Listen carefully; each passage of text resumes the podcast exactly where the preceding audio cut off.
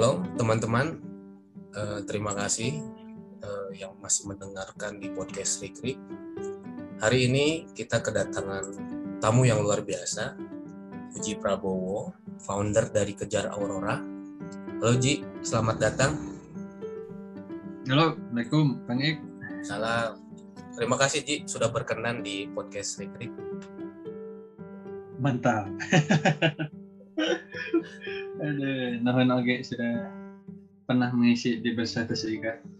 Ya, ya satu lagi mungkin uh, Puji Prabowo ini adalah podcaster dari uh, Bersatu Seikat ini yang lagi hangat, yang mana sudah banyak juga ya podcastnya udah hampir 100 lebih sekarang itu saya cek.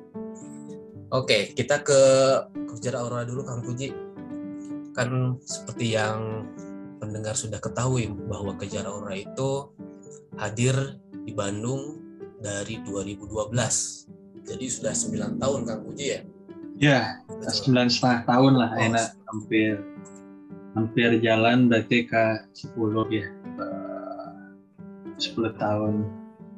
Gitu sih Kang Ik. Uh, apa ya? Uh, kalau dulu memang tidak pernah terbayang akan jalan sejauh ini. Gitu jadi uh, dulu ya memulai memulai aja gitu. Uh, karena waktu itu kan uh, yang seperti berapa kali diceritain lah gitu. Ini terjadi karena sahabat meninggal gitu ya. Terus nggak lama gitu uh, ada hotip yang bilang bahwa kalau kita meninggal dunia gitu ya secara fisik tuh nggak bawa apa-apa gitu. Kan kita tahu itu. Tapi katanya kita meninggal dunia membawa apa yang kita tinggalkan.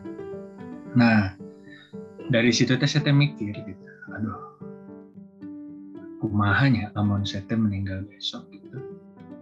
Terus saya bawa bekal apa gitu. Sedangkan saat itu teh lagi suasana di main we gitu ya. Ya nggak peduli lah. Nah waktu itu kan saya dapat apa ya ceritanya juga dari orang tua teman saya ini gitu sahabat saya ini gitu dia. Orang tuanya cerita dia berprestasi gitu ya. Usaha sendiri online shop di saat yang lain can ngerti itu online shop dan dia mau udah jualan di Facebook yang postingnya harus pakai laptop atau komputer ya belum bisa dari HP nah jadi uh, inspirasi ya waktu itu dia oh udah mulai gitu cobalah gitu. Uh, bukan masalah dia jadi uh, crazy rich atau apa gitu ya atau wah sukses yang gimana punya follower banyak. Tapi saya ngelihat satu hal di situ uh, dia sudah melakukan aksi gitu yang mana uh, apa ya, ya itu yang emang harus dilakukan ya.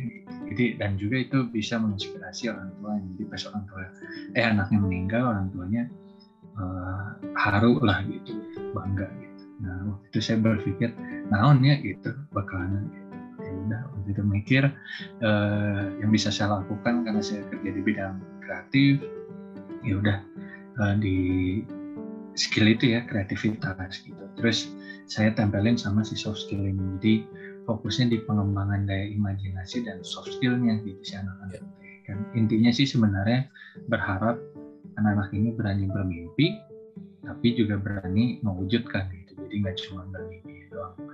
Uh, ya gitu ya soft skillnya itu communication skill terus empati gitu kreatif thinking ya problem solving gitu gitulah uh, leadership terus juga teamwork gitu kan.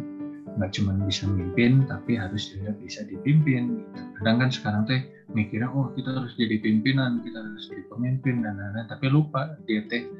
Kalau jadi tim juga teh harus harus maksimal gitu. Being part of the team itu penting gitu. Nah itu yang juga diajarkan anak-anak gitu. Keseharian juga seperti mengucap salam terus ke siapa pun ya gitu. Terus uh, doa gitu ya sebelum kegiatan pasti gitu, mengantri gitu. Nah hal-hal yang basic ya.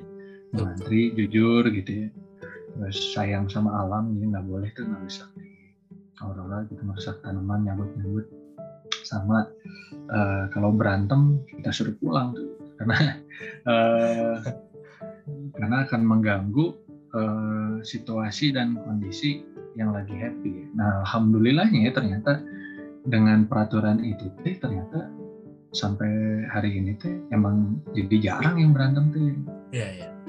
Jarang ditemui gitu karena mereka udah tahu dari awal masuk Aurora teh nggak boleh berantem. Jadi ah tapi manusia manya atau anak-anak pasti wajarnya.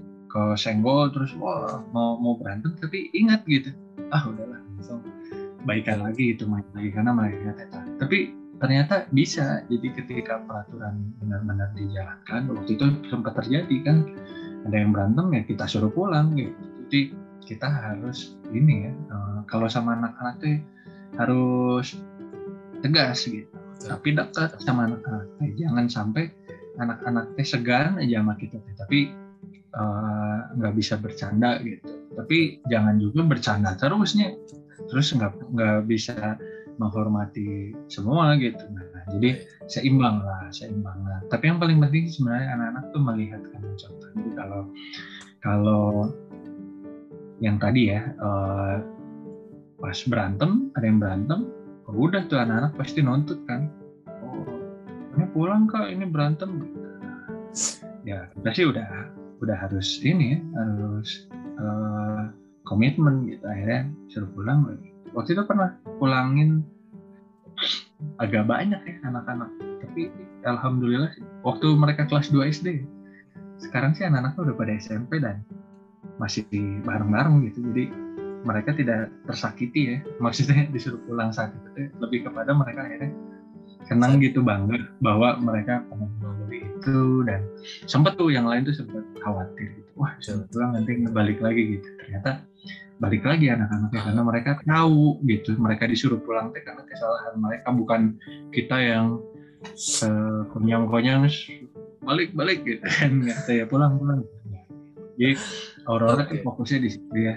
Hal-hal mendasar pada anak-anak gitu ya eh, sikap dan lain-lainnya.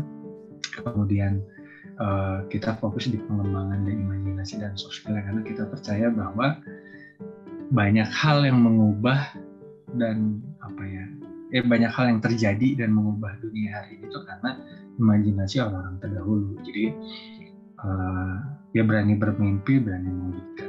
Itu sih kan keren keren.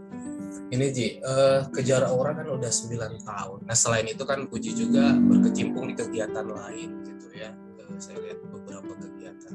Pertanyaannya mengapa kejar Aurora yang bertahan sampai sekarang itu Ji? Apa yang menjadi alasan? Uh, uh, saya merasakan gini uh, jadi mungkin di awal kan rasanya saya berupaya gitu ya. Sepertinya begitu berupaya untuk mendirikan ini gitu mewujudkan.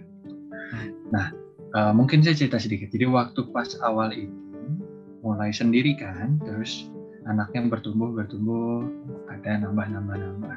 Sampai di satu titik saya harus ke Jakarta nih gitu. Dan itu ke Jakarta di tahun berapa berarti? 2012 itu gitu, oh di awal awal ya. tahun. Iya, iya. Oh, beres tesis lah uh, ya wisuda lah udah udah mau wisuda terus ya udah udah ada job nih di Jakarta gitu. pas di Jakarta uh, uh, eh pas mau ke Jakarta ya udahlah bilang sama anak-anaknya udahnya dibubarkan wae gitu dan terus wah anak-anak teh rada sedih sempat ke rumah gitu ayolah lagi gitu. Nah, sampai sampai di satu titik waduh nggak bisa ya saya tidak kemadi gitu ya harus ke Jakarta sendirian. Saya kumaha aja nah waktu itu kan masih hari biasa juga ya. Yeah. waktu itu kan sambil tesis nah rada lowong waktu nah, terus ya udahlah bubarin lah. Tapi singkat cerita tuh saya kayak ngobrol sama yang di atas sama Allah teh. Ngobrol gitu. Terus Allah teh nanya gitu. Yakin mau dibubarin sih gitu. Yakin lah kata saya. Pertanyaan kedua teh yakin mau dibubarin? Yakin kata saya aku mau ada ya itunya gitu kan yang mau gimana lagi gitu terus teh yang ketiga teh yakin mimpinya mau dibubarin gitu. wah itu saya saya takut Duh kalau saya punya mimpi yang lain nanti Allah tinggal bilang ya elah mimpi yang kemarin aja udah dikasih jalan nggak dijalanin jadi uh, ketakutannya di situ ya gitu. Aduh, iya, iya. ini teh mimpi yang udah saya mau jalanin gitu. Karena dulu saya zaman sekolah teh pernah nulis saya pengen bikin yayasan gitu. Hmm. terus diketawain lah dulu teh nah kelas kelas berapa? Pengen pengen punya yayasan kelas berapa Ji? Kurang hilapnya SMP apa SMA SMP ya? Oh iya iya SMP apa SMA terus uh, yang lain mah insinyur cita-citanya dokter gitu canggih gitu. Uh, nah saya nggak tahu ya kenapa nulis. Tapi ya mungkin karena sebelumnya lah gitu. Terus uh, nulis lah kayak gitu. Oh ini mah nunggu kaya gitu. Nah sama zaman dulu mah saya diem gitu. Ah iya ya kudu benghari mah. Terus nah, pas pas saya mau mulai di 2012 itu memang uh, juga ada pertanyaan kayak gitu dari teman-teman saya. Ya waktu lima gini-gini mah nanti nunggu kaya gitu. Tapi saya akhirnya udah bisa jawab saat kaya teh segimana? gitu. Punya satu rumah satu mobil kan satu motor. Namun tetangga boga dua rumah kumah hmm. berarti belum kaya kita. Belum bisa memulai. Terus udah kayak gitu kita lihat komplek tetangga aja rumahnya lebih gede gitu. Mobilnya lebih bagus. Berarti kita belum kaya. Terus lihat lagi ke komplek. Wah ngukurnya nggak bisa gitu. Saya nggak tahu nih ukuran yang pasti kapan. Jadi ah nggak mulai dengan apa yang dipunya terus waktu itu balik lagi ke pertanyaan yang ketiga. Yakin mimpinya mau dibubarin? Saya jawab waduh. Nah pas pertanyaan ketiga teh uh, ya udah gitu. Saya jawabnya uh, ya udah ya Allah kalau emang ini jalannya gitu saya minta tolong gitu dibantuin karena kan sendirian. Uh, eh seminggu kemudian teh didatangin teh adiknya sahabat.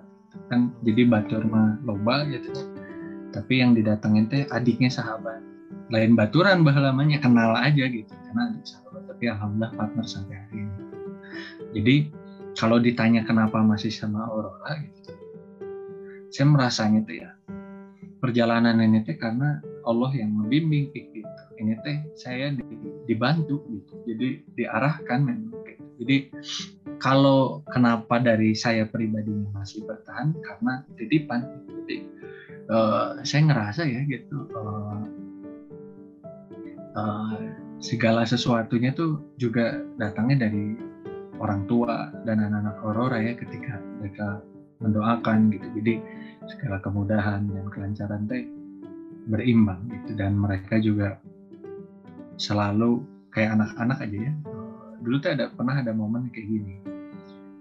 Hujan besar gitu. Saya teh masih di rumah kan. Waduh hujan nih waduh hujan angin dan lain-lain gitu. Naik motor sedangkan saya saat itu kan ke mana gitu. Nungguin dulu lah. Nah pas nyampe sana sekitar udah satu setengah jam tuh saya datang lah.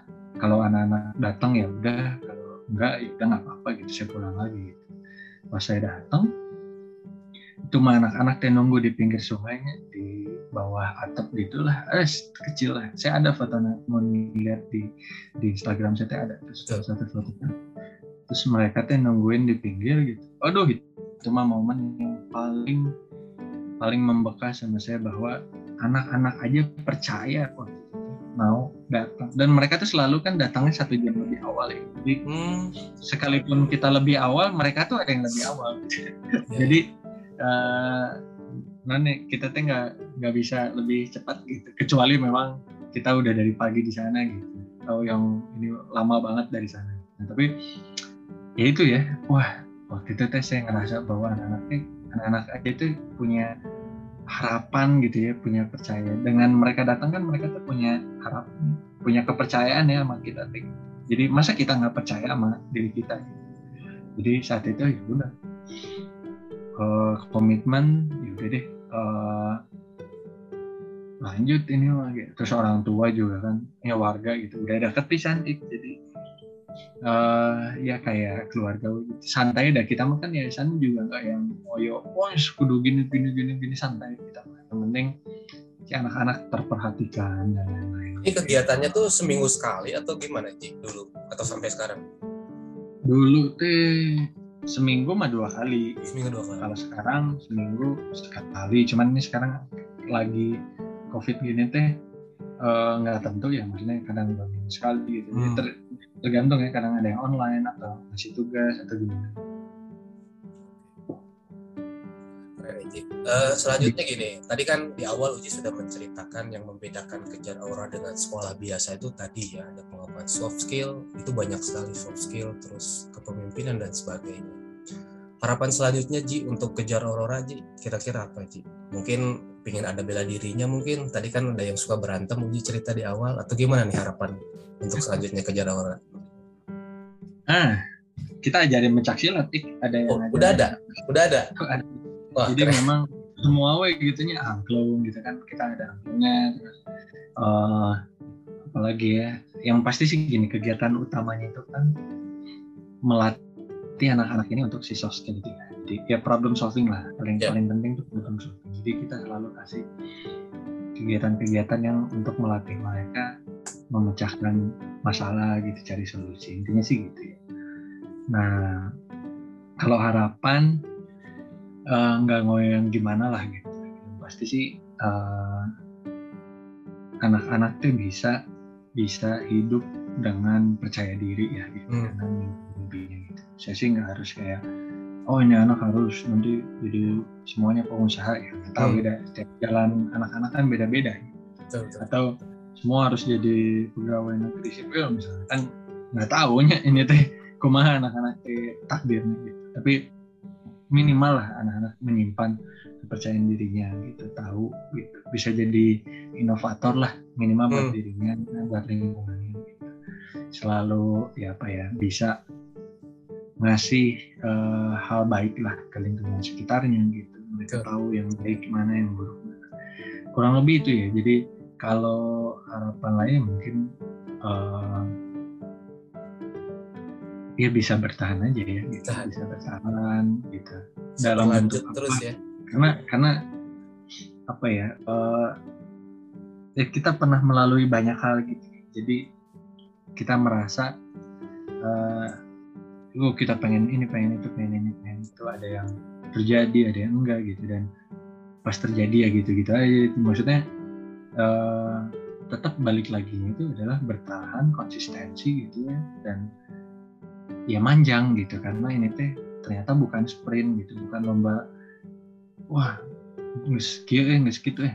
Ternyata teh bukan gitu ya. Jadi ini teh perjalanan jangka panjang gitu maraton. Nah, jadi jadi enjoy aja sekarang mah eh, nyantai tapi program sama anak-anak tetap jalan gitu ya Eh, ikatannya tetap ada gitu, santai gitu. Karena itu ya eh, perjalanannya masih panjang.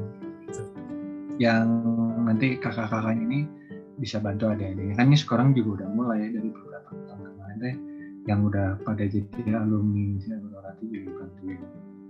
adik-adiknya lah gitu keren sih nanti eh, di Instagramnya Puji Prabowo dan sama Instagramnya Kejar Aurora itu banyak sekali kegiatan mungkin yang mau lihat boleh di @kejar aurora atau @puji prabowo. Oke Ji, kita lanjut ke yang satu lagi kegiatan Uji yang lagi hits yaitu podcast juga. Ini keren sih kemarin apa namanya ulang tahun Indonesia yang ke-76 sudah ada 76 narasumber yang berbeda-beda bukan satu profil aja ternyata ya. Itu keren sih Ji. Eh, pertanyaan saya gini Ji. Eh, kenapa bersatu seikat? Itu dulu deh kenapa bersatu seikat? Podcastnya? ya itu mah inilah ya di salah satu beasiswa kan.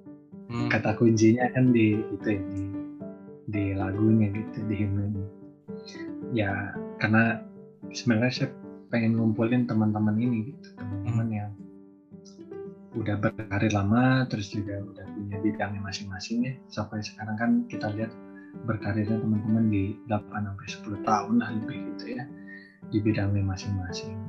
Nah, eh, setiap orang tuh saya percaya gitu, setiap orang tuh punya ceritanya masing-masing, punya perjuangan masing-masing gitu, punya ukuran kesuksesan dan kebahagiaannya masing-masing gitu. Eh, terkadang kita teh kejebak gitu di Instagram teh atau di sosial media mana pun gitu kita melihat bahwa kesuksesan teh kalau udah punya ini itu gitu. Hmm. harus begini begitu gitu Hmm. jadi kayak dipilihkan atau diarahkan untuk satu dua hal aja gitu si kesuksesan bahwa harus jadi seperti begini ya mirip begini sedangkan kalau saya lihat gitu teman-teman saya pada bahagia gitu ternyata di bidangnya masing-masing gitu. jadi eh, itu yang mau saya angkat teh gitu bahwa kesuksesan itu macam-macam jalannya gitu. Hmm. Nah makanya selain kangennya pengen ngobrol sama teman-teman eh ya itu ya eh, ngumpulin mereka-mereka ini untuk berbagi inspirasi. Karena mungkin bisa relevan gitu sama teman-teman yang lain gitu kayak misalnya dia dapat wejangan dari bapaknya atau ibunya gitu ya. Hmm. Terus ada yang dengerin, oh heehnya nih. Konsepnya sih kayak reunian aja, kayak Betul. duduk di duduk di satu meja bareng. Kalau kita lagi mau reuni kan dulu di kafe ininya, ayo ngumpul gitu misalnya di tempat makan ini ya kita ngumpul gitu. Ya, ya. Ayo nanti duduk di satu meja ngobrol cerita-cerita, nggak peduli itu follower berapa, eh, pernah gimana gimana, tapi yang kita dengerin ceritanya gitu. Jadi Hmm. dan kita merasakan si kebahagiaan itu bareng-bareng. Jadi saling inspirasi lah dan juga kalau bisa kan dengan ekspertis yang udah ada ya bisa saling melengkapi gitu ya. Eh, kalau bisa lagi di level berikutnya bisa saling kolaborasi gitu. dan alhamdulillahnya ternyata teman-teman tuh udah ada yang feedback tuh ada yang dapat jawab jadi narasumber ada yang dapat job lain-lain ya gitu ya. Eh, seneng gitu karena dapat tawaran-tawaran dari eh, apa ya istilahnya eh, si pemberi beasiswa ada gitu. Padahal di awal nggak ada afiliasi dengan mereka gitu. Hanya hanya ya sampai sekarang pun nggak ada gitu. Jadi feel apa ya feel feel free lah gitu si teman-teman untuk cerita gitu ya, untuk ini. Dan saya juga feel free untuk membangun eh, apa ya program ya karena kan ya si podcast ya maksudnya. Soalnya kan juga nggak terikat sama siapa-siapa. Jadi benar-benar bebas dan senang aja gitu bisa jadi ada wadah gitu buat teman-teman saling um, share uh, kehidupannya gitu nilai-nilai kebahagiaan kesuksesan gitu. Dan itu tuh ternyata ya itu terjadi ya bahwa Shockwave dari 76 itu tuh beda-beda ya waktu yang pas Hmm. kemerdekaan per hari ini tuh ada 111 cerita ya. 111 luar 111 biasa. cerita gitu. Jadi ada yang cerita bidang dan lain-lain gitu. Eh, seneng gitu Ik. jadi saya dengerin nggak nggak nyangka juga kemarin tuh saya bayangannya cuma ah belasan orang lah yang Hmm. teman-teman di ini gitu. Nah cuman tuh pas pas berjalan tuh agak kurang enak nih gitu pas di Instagram ah ya ini teman saya yang ini ngelihat gitu ya aduh semuanya tadi ajakan gitu. Eh, saya juga udah tahu gitu kan maksudnya.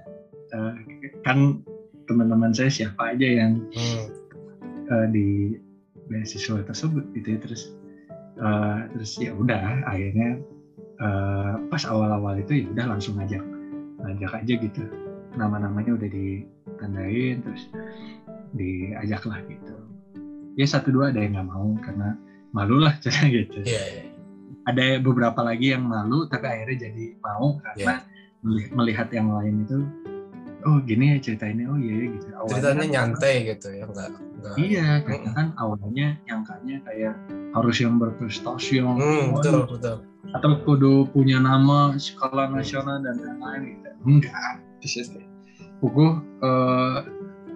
Buku Buku pengen lihat nih, kita pengen membuktikan bahwa setiap orang tuh bisa sukses, nggak harus jadi kayak jadi famous lah, karek diundang gitu, enggak lah gitu. Dan, eh, itu ya yang membahagiakannya adalah dengerin cerita orang-orang tuh ah, banyak pisan gitu Hmm. kayak saya kayak menyelami kehidupan banyak orang langsung ya. Langsung kayak waduh beneran. Selain menghangatkan silaturahmi sebenarnya tujuannya sih biar karena kan kita nggak tahu ya rezeki siapa di siapa. Jadi ternyata kayak wah ada rezekinya si orang-orang ini. Dina podcast ini ternyata teh kemarin teh kan gitu ya ada yang ditanyain gitu. Kayak ya ada yang ada yang istilahnya mah ada cuannya ada enggak? Gitu. Hmm. kan ini rezeki, rezeki yang eh, ya ternyata dari jalur ini tuh eh, bisa ada gitu ada yang ada yang dapat cuan gitunya ada yang kesempatan baru buat yang bersangkutan gitu. Jadi uh, ya saya mah inilah jadi agensi aja lah gitu. Jadi penyalurnya gitu tapi ya senang aja maksudnya cuma menghubungi aja uh, antar satu ke satu lagi satu pihak gitu. Jadi itu tadi bahwa tesis yang pertama adalah setiap orang punya keunikannya gitu punya cerita masing-masing punya ukuran masing-masing. Teh benar. Yang kedua rezeki siapa di siapa kita nggak pernah tahu dengan menghangatkan silaturahmi itu ternyata bisa terjalin gitu ya benar ada gitu. Dan dan terjadi gitu. Jadi ya alhamdulillah gitu. Jadi ya sekarang jalannya uh, santai lah gitu. Kemarin uh, ya itu ya karena memang pas montah ayo besok. Terus ayo gitu. jadi ada lumayan cepat gitu sih. Keren loh Ji. Ini keren. Maka pertanyaan selanjutnya gini loh Ji. Uh, itu kan sekarang udah 100 berapa? 111 sekarang ya?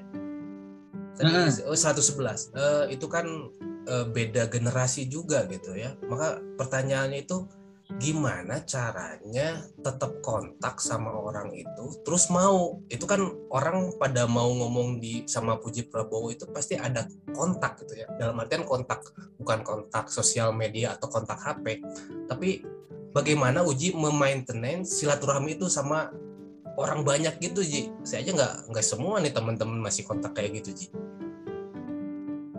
Ah saya juga kaget sejujurnya. Maksudnya teman-teman ternyata masih gitu masih ada ikatan lah ya si kontaknya ini. Hmm. uh, masih ada ikatan yang uh, apa ya nggak saya juga nggak ngerti. Tapi gini mungkin mungkin ya mungkin uh, karena dijalin saat itu dengan baik gitu ya jadi uh, perjumpaan terakhirnya baik. Jadi uh, sampai hari ini mungkin nggak ketemu secara fisik. Kemarin tuh banyak yang kayak bahkan ada yang tuh awal-awal tuh ngomong deh.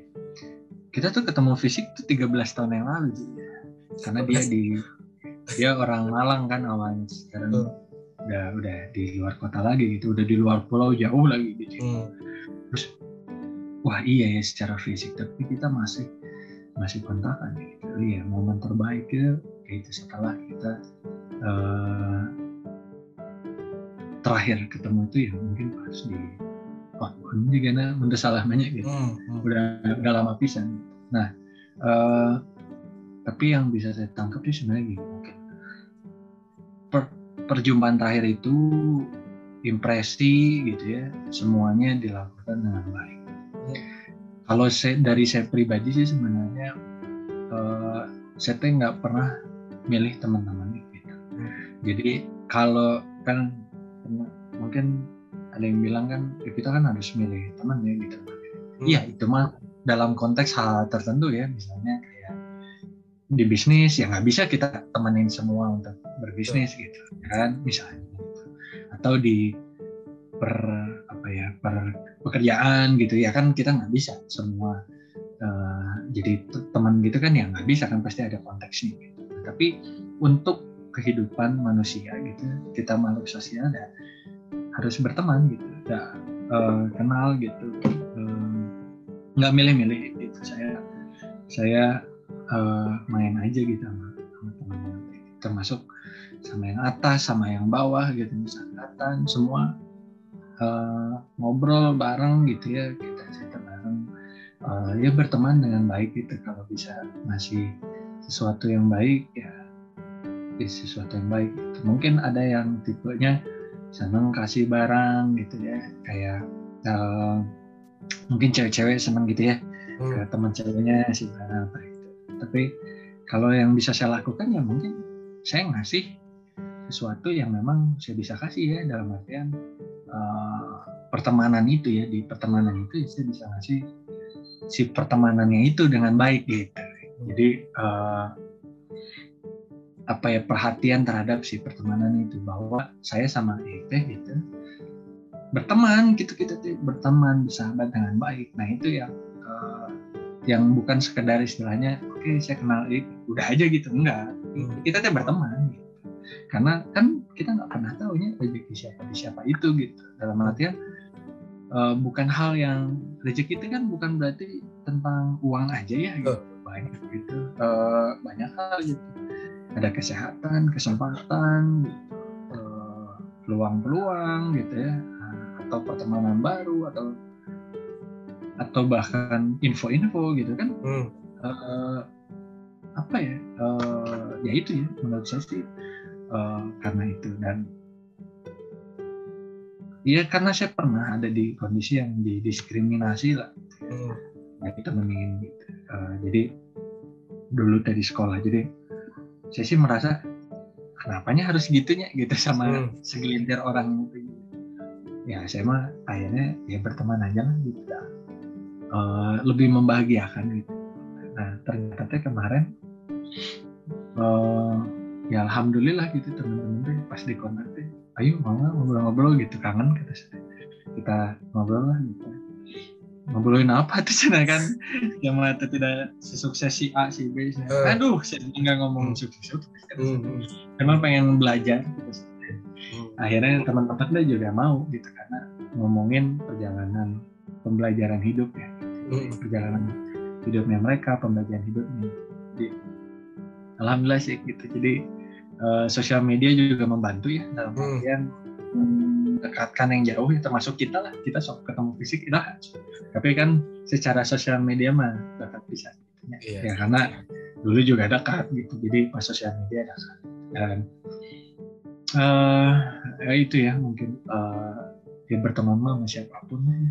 kecuali kecuali sama mereka-mereka yang emang nggak mau berteman sama saya ya udah gitu saya emang nggak maksain jadi saya mah akan menghargai keputusan mereka dengan ya udah saya juga uh, ya udah gitu kalau misalnya mereka tidak mau didekati ya saya pun tidak uh, akan mendekati ya gitu kan uh, nyesok ayawnya manusia mah gitu yang hmm. namanya uh, tidak suka dan lain-lain mah kan hmm. ada jadi satu pasti. dua mah gitunya satu dua mah ada tidak mau berteman atau di awal gitu ya udah tapi saya mah lebih fokusnya ke mereka-mereka yang mau berteman jadi hmm. sebisa mungkin mereka kasih satu saya kasih lebih gitu. Walaupun bukan dalam hal yang sama ya gitu tapi saya upayakan gimana saya bisa kasih lebih gitu, dalam bentuk lain gitu. E, prinsipnya sih begitu ya dalam dalam berteman jadi e, ya karena saya ngerasa apa ya saya pengen kasih momen-momen terbaiknya gitu. Karena saya nggak tahu ya kalau segi spiritualnya gitu saya nggak tahu ini tuh saya bisa ketemu lagi sama dia tuh kapan. Jadi uh, ya diusahain yang terbaik lah. Jadi kalaupun perpisahan ada kenangan baik gitu. jadi ya berteman lah sama siapa aja. Karena saya ngerasain dengan berteman sama siapa. Nah itu termasuk nah ke di Aurora juga gitu. Gimana si communication skill ini bisa membuat anak-anaknya bisa ngomong sama orang yang lebih tua lebih muda ya dengan komunikasi yang sama bisa ngomong sama yang strata pendidikan yang lebih tinggi atau lebih rendah atau yang strata ekonominya lebih tinggi atau lebih rendah. Hmm. Jadi menganggap semua orang itu ya sama kedudukannya hmm. manusia. Nggak perlu kayak kalau yang di begini, wah kitanya sampai gimana-gimana. Jadi biasa we gitu. Jadi biasa we-nya itu gimana? Bukan berarti tidak sopan atau tidak atau gitu aja sekahayang gitu kita tuh punya punya pola yang baik gitu. Bahwa kalau ngomong sama orang yang lebih tua dan lebih muda teh ya sama kita tuh harus menghormati. Sama yang lebih berilmu atau yang enggak pun ya sama gitu. Kudu pendekatannya itu sama. Nggak nggak bisa dibeda-bedain kalau menurut saya. Karena karena akhirnya apa sih? Uh, kalau di posisi-posisi tertentu mengharapkan mengharapkan penghargaan yang lebih ya. Nah, saya mah curiga itu mah egonya orang-orang tertentu ya gitu. Soalnya kalau kita lihat kanjeng Nabi Muhammad gitu ya, Rasulullah teh, ya, beliau teh contoh manusia yang super super luar biasa ya, baik bisa gitu. Tidak menghargai dihormati yang gimana gimana gitu. Benar ya. Uh, tapi akhirnya orang kan tahu ya karena Nabi ya orang pasti akan menghormati tidak masuk ke semua kalangan. Bahkan yang nggak mengenai Nabi eh, ngomong biasa aja Nabi Muhammad biasa aja gitu. Karena menganggap semuanya ya apa ya gitu ya. Maksud saya teh eh, Nabi Muhammad tuh akhirnya bisa masuk ke mana-mana gitu. Jadi eh, ya ya panutan teh benar gitu bahwa eh, dengan keilmuannya gitu ya dengan dengan apa ya mungkin saat itu pernah jadi eh, yang salah satu yang terkaya lah mungkin ya di daerahnya gitu kan dengan eh, apa punya istri Khadijah gitu tapi biasa aja tuh gitu nggak jadi yang mau bahasa Sunda mah jadi lagi katanya jadi sombong atau orang sih boga posisi gitu gitu kan enggak Lagi. Eh, jadinya kan kita tuh sok kayak lah karena kayak jadi kepala naon geus ini gitu geus punya wah sana keangkuhan kesombongan dan lain-lain enggak jadi saya mah berpanut gitu ya ber menganut sama kanjeng nabi teh Eh, beliau teh bisa bisa membaur ke siapa gitu. Keren sih. Eh, jadi eh, itu yang memudahkan beliau untuk berdakwah ya, karena kan sebenarnya eh, ya itu ya tarafnya. Karena kan sekarang teh ada, misalnya dia di posisi tertentu, dia teh diminta untuk diperlakukan begini begini begini gitu ya, seakan manusia yang levelnya jabatannya di bawah beliau teh misalnya gitu ya, nanti teh harus begini begini begini. Nah Nah, gitunya padahal kalau saya mengukur gitu, Nabi Muhammad mah nggak pernah meminta seperti itu ya. Gitu. Jadi eh, apa ya, jalanin aja lah gitu kayak kalau kayak tadi gitu ya, ada yang nggak suka gitu, pasti ada gitu. Kita diem aja teh ada yang nggak suka, pasti itu. Jadi makanya fokusnya sama orang-orang yang percaya aja. Dari awal Aurora pun juga gitu, fokus sama orang-orang yang percaya gitu. Jadi kalau udah ada yang percaya hasil lebih jadi jangan sampai kita teh uh, namanya uh, kufur nikmat gitunya dengan karena gini sering banget si Aurora teh mendapatkan hal-hal baik gitu. Nah saya teh merasa bahwa ya itu memang dari orang-orang tertentu. Nah itu tuh sebenarnya mereka jadi perantara dari Allah Subhanahu Wa Taala ya gitu.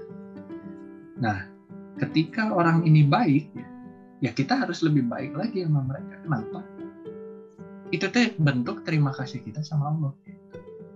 Dan melalui mereka yang udah membantu, mereka yang udah percaya, mereka yang udah support dan lain-lain. Di kehidupan saya gitu, berteman pun juga seperti itu. Jadi ya saya merasanya itu aja. Gimana ya balasnya? Karena kan bingung. Ya balas yang kalau misalnya misalnya si yang mau kita yang mau kita balas ini orangnya emang uh, udah berlebih gitunya ya kita balas ke yang lain gitu Hmm. nah tapi untuk si orang ini gitu ibaratnya sama yang udah pasti mah ya karena kita itu kan melakukan itu karena berterima kasih sama Allah gitu. jadi ya itu harapannya anak-anak tuh bisa membaur ya bisa berkomunikasi dengan baik. Sopan semua sama siapa pun ya. Tingkatan naon sopan. Jadi jangan sampai karena karena si golongan tertentu punya jabatan jadi kita wah sopannya berlebihan ke sini gitu ya. Tapi kita lupa nih sama sama orang-orang yang uh, mungkin nggak nggak punya jabatan itu terus akhirnya kita menganggap wah komunikasinya langsung beda nih. Hmm. bukan bukan kondisi eh saya mah lebih tinggi. Enggak. Nah, manusia mah sama aja. Hanya semua teh cuman dititipi aja kan ya itu Hmm. jabatan masih no no abadi gitu. Ini semua teh dititipi aja lagi peran ini peran ini peran ini gitu. Uh, jadi soalnya sering banget ik orang-orang teh berteman teh karena hal-hal tertentunya. Mungkin karena tadi ya yang saya sebutin mungkin Yes, karena strata ekonominya gitu jadi nggak mau berteman mungkin karena latar belakang pendidikannya jadi nggak mau berteman Hmm. atau yang tadinya kalau usia gitu jadi nggak mau berteman nah sih kudu dibatasi dengan itu padahal ya kalau kita muslim kan kita lihat Muhammad bisa ngeblend lah ya sama siapa pun gitu. Uh, bahkan kan berdagang teh beliau dari muda ya. Coba bayangin dari muda teh beliau teh sudah uh, berjualan. Cok lihat teman-teman yang berjualannya. Dah nggak seangkatan ya kan. Hmm. banyak yang lebih tua gitu. Jadi uh, itu itu yang saya lihat bahwa uh, ya kita teh harus uh, sadar bahwa kita tidak bukan siapa-siapa kita tuh cuma dititipin lah jadi kalau ada teman yang ya istilahnya mah uh, mungkin salah satunya itu juga ya. Kalau ada uh, yang bisa dibantu ya kita bantu semaksimal mungkin gitu. jadi kasih semaksimal mungkin. Uh, ya begitulah jadi kalau tadi pertanyaannya cuma si podcastnya seberapa orang tapi ya memang melebarnya ke situ ya. Bahwa kita teh ternyata banyak ya gitu. Orang tuh gitu banyak teman teh itu kalau uh, dijalin. Sok nah akhirnya 100 gitu ya. Teman saya saya eh, si Instagram saya private. Di seribuan lah teman teh teh ternyata sekarang 10 persen gitu ya. E, maksudnya itu dalam artian saya harus menjalin lagi nih si komunikasi sama teman-teman yang lain bahwa eh, ini gitu, tanya kabar dan lain-lain. Itu juga kan e, termasuk yang di Facebook dan tapi intinya sih sebenarnya e, gimana gimana kita teh berteman nih apakah hmm. punya niat teh dan karena hal tertentu atau memang benar-benar niat berteman ya gitu. kurang lebih sih itu ya jadi kalau ada yang bilang jangan pilih teman sih kalau saya sih berteman aja ya siapa karena kalau uh, pilih teman mah ya untuk konteks-konteks tertentu ya pasti nggak akan bisa semuanya juga kan gitu jadi yeah, yeah. Uh, kayak misalnya bisnis pekerjaan gitu kan nggak mungkin semuanya kita aja yeah. jadi bisnis ya gitu kan nggak juga tapi berteman sama siapa aja gitu. oke okay. Baik, Ji. Uh, pertanyaan terakhir, Ji, karena waktu juga uh, takutnya ini mengganggu waktu juga, Ji. Pertanyaan terakhir, harapan ataupun mimpi Puji Prabowo itu apa sih ke depannya? Uh, apanya? Uh, kalau di dulu sempat yang kalau studi itu apa? Uh, helping individual or uh, eh helping individual ya people gitu atau organisasi to create meaningful impact gitu. Jadi uh, to create something that has meaningful impact sih gitu. Jadi hmm. gimana ya sekarang mah lebih kepada itu tadi ya mungkin bersatu seikat itu dari tujuan itu juga ya gitu. Uh, kalau Aurora ya gimana anak-anak ini bisa punya impact nantinya gitu. impact yang bermakna gitu bukan hanya buat dirinya tapi lingkungannya terus kalau si bersatu sikat juga gimana ini tuh bisa jadi wadah buat teman-teman bisa uh, punya impact ke lingkungan juga ya gitu. Kemanfaatannya melalui melalui medium yang berbeda-beda gitu. Nanti pekerjaan lain pun juga begitu. Jadi uh, fokusnya sih di situ aja. Saya kalau bentuknya apa tuh saya nggak nggak tahu ya gitu. Kayak jalanin aja deh sekarang gitu ya.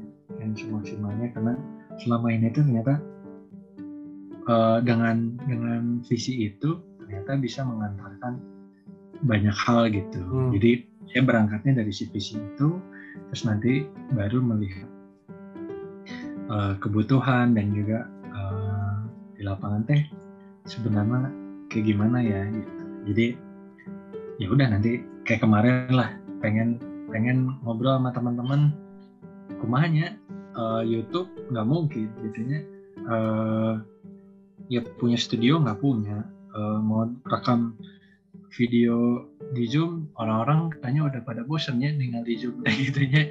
Namun di YouTube terus lihat lagi Zoom kurang menarik. Terus nulis aduh saya nggak ada waktunya terus tahun jadi we podcast ngobrol ya udah rekam submit begitu ya Spotify. Nah kan terjadilah gitu sesuatu yang baru melalui medium baru dengan kebutuhan yang ada di saat itu gitu ya. Hmm. Jadi uh, eh di kemarin lah gitu.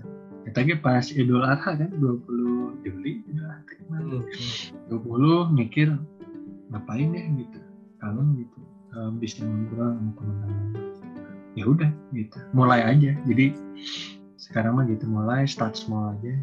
Uh, uh, apalagi ya nanam aja gitu. hmm. mungkin ya, nanam aja terus gitu kalau harapan saya sih semoga sih saya bisa tetap nanam aja gitu tiap hari teh uh, nanam nanam apa pun itulah gitu. Uh, nanam biar uh, kalaupun nanti saya udah nggak ada teh ya itu saya udah ada yang saya tanam gitu. kurang lebih sih itu jadi kalau uh, impian yang gimana gimana nggak uh, ada yang mengalir aja gitu. Kayak ya sekarang mungkin uh, kegiatan ya Aurora ya semoga panjang hmm, bisnis. hmm. Itu gitu, apa yang dijalankan semoga bisa berkembang gitu dengan tujuannya masing-masing ya gitu. Gitu sih paling.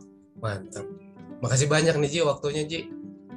Siap punten jadi panjangnya wah ini ini mahal justru mahal dalam artian ya tanda kutip ya ini mahal nih eh, ceritanya. Makasih banyak ya Ji. Siap. Ya itu oh, aja mungkin. sudah diajak bercerita punten Iya. Baru sempat hari ini. Mantap. Terima kasih. Mungkin itu aja Puji Prabowo, founder dari Kejar Aurora, founder dari Bersatu Seikat. Sebetulnya masih banyak kegiatan beliau ini. Kalau mau lebih detail, kegiatannya banyak sebenarnya. Bisa dilihat di Instagramnya @pujiprabowo atau di Kejar Aura ya, Ji ya. Ya. Ya. Uh, ya di follow juga nggak apa-apa itu di follow juga boleh di sana display kegiatannya terima kasih. Sampai bertemu di podcast selanjutnya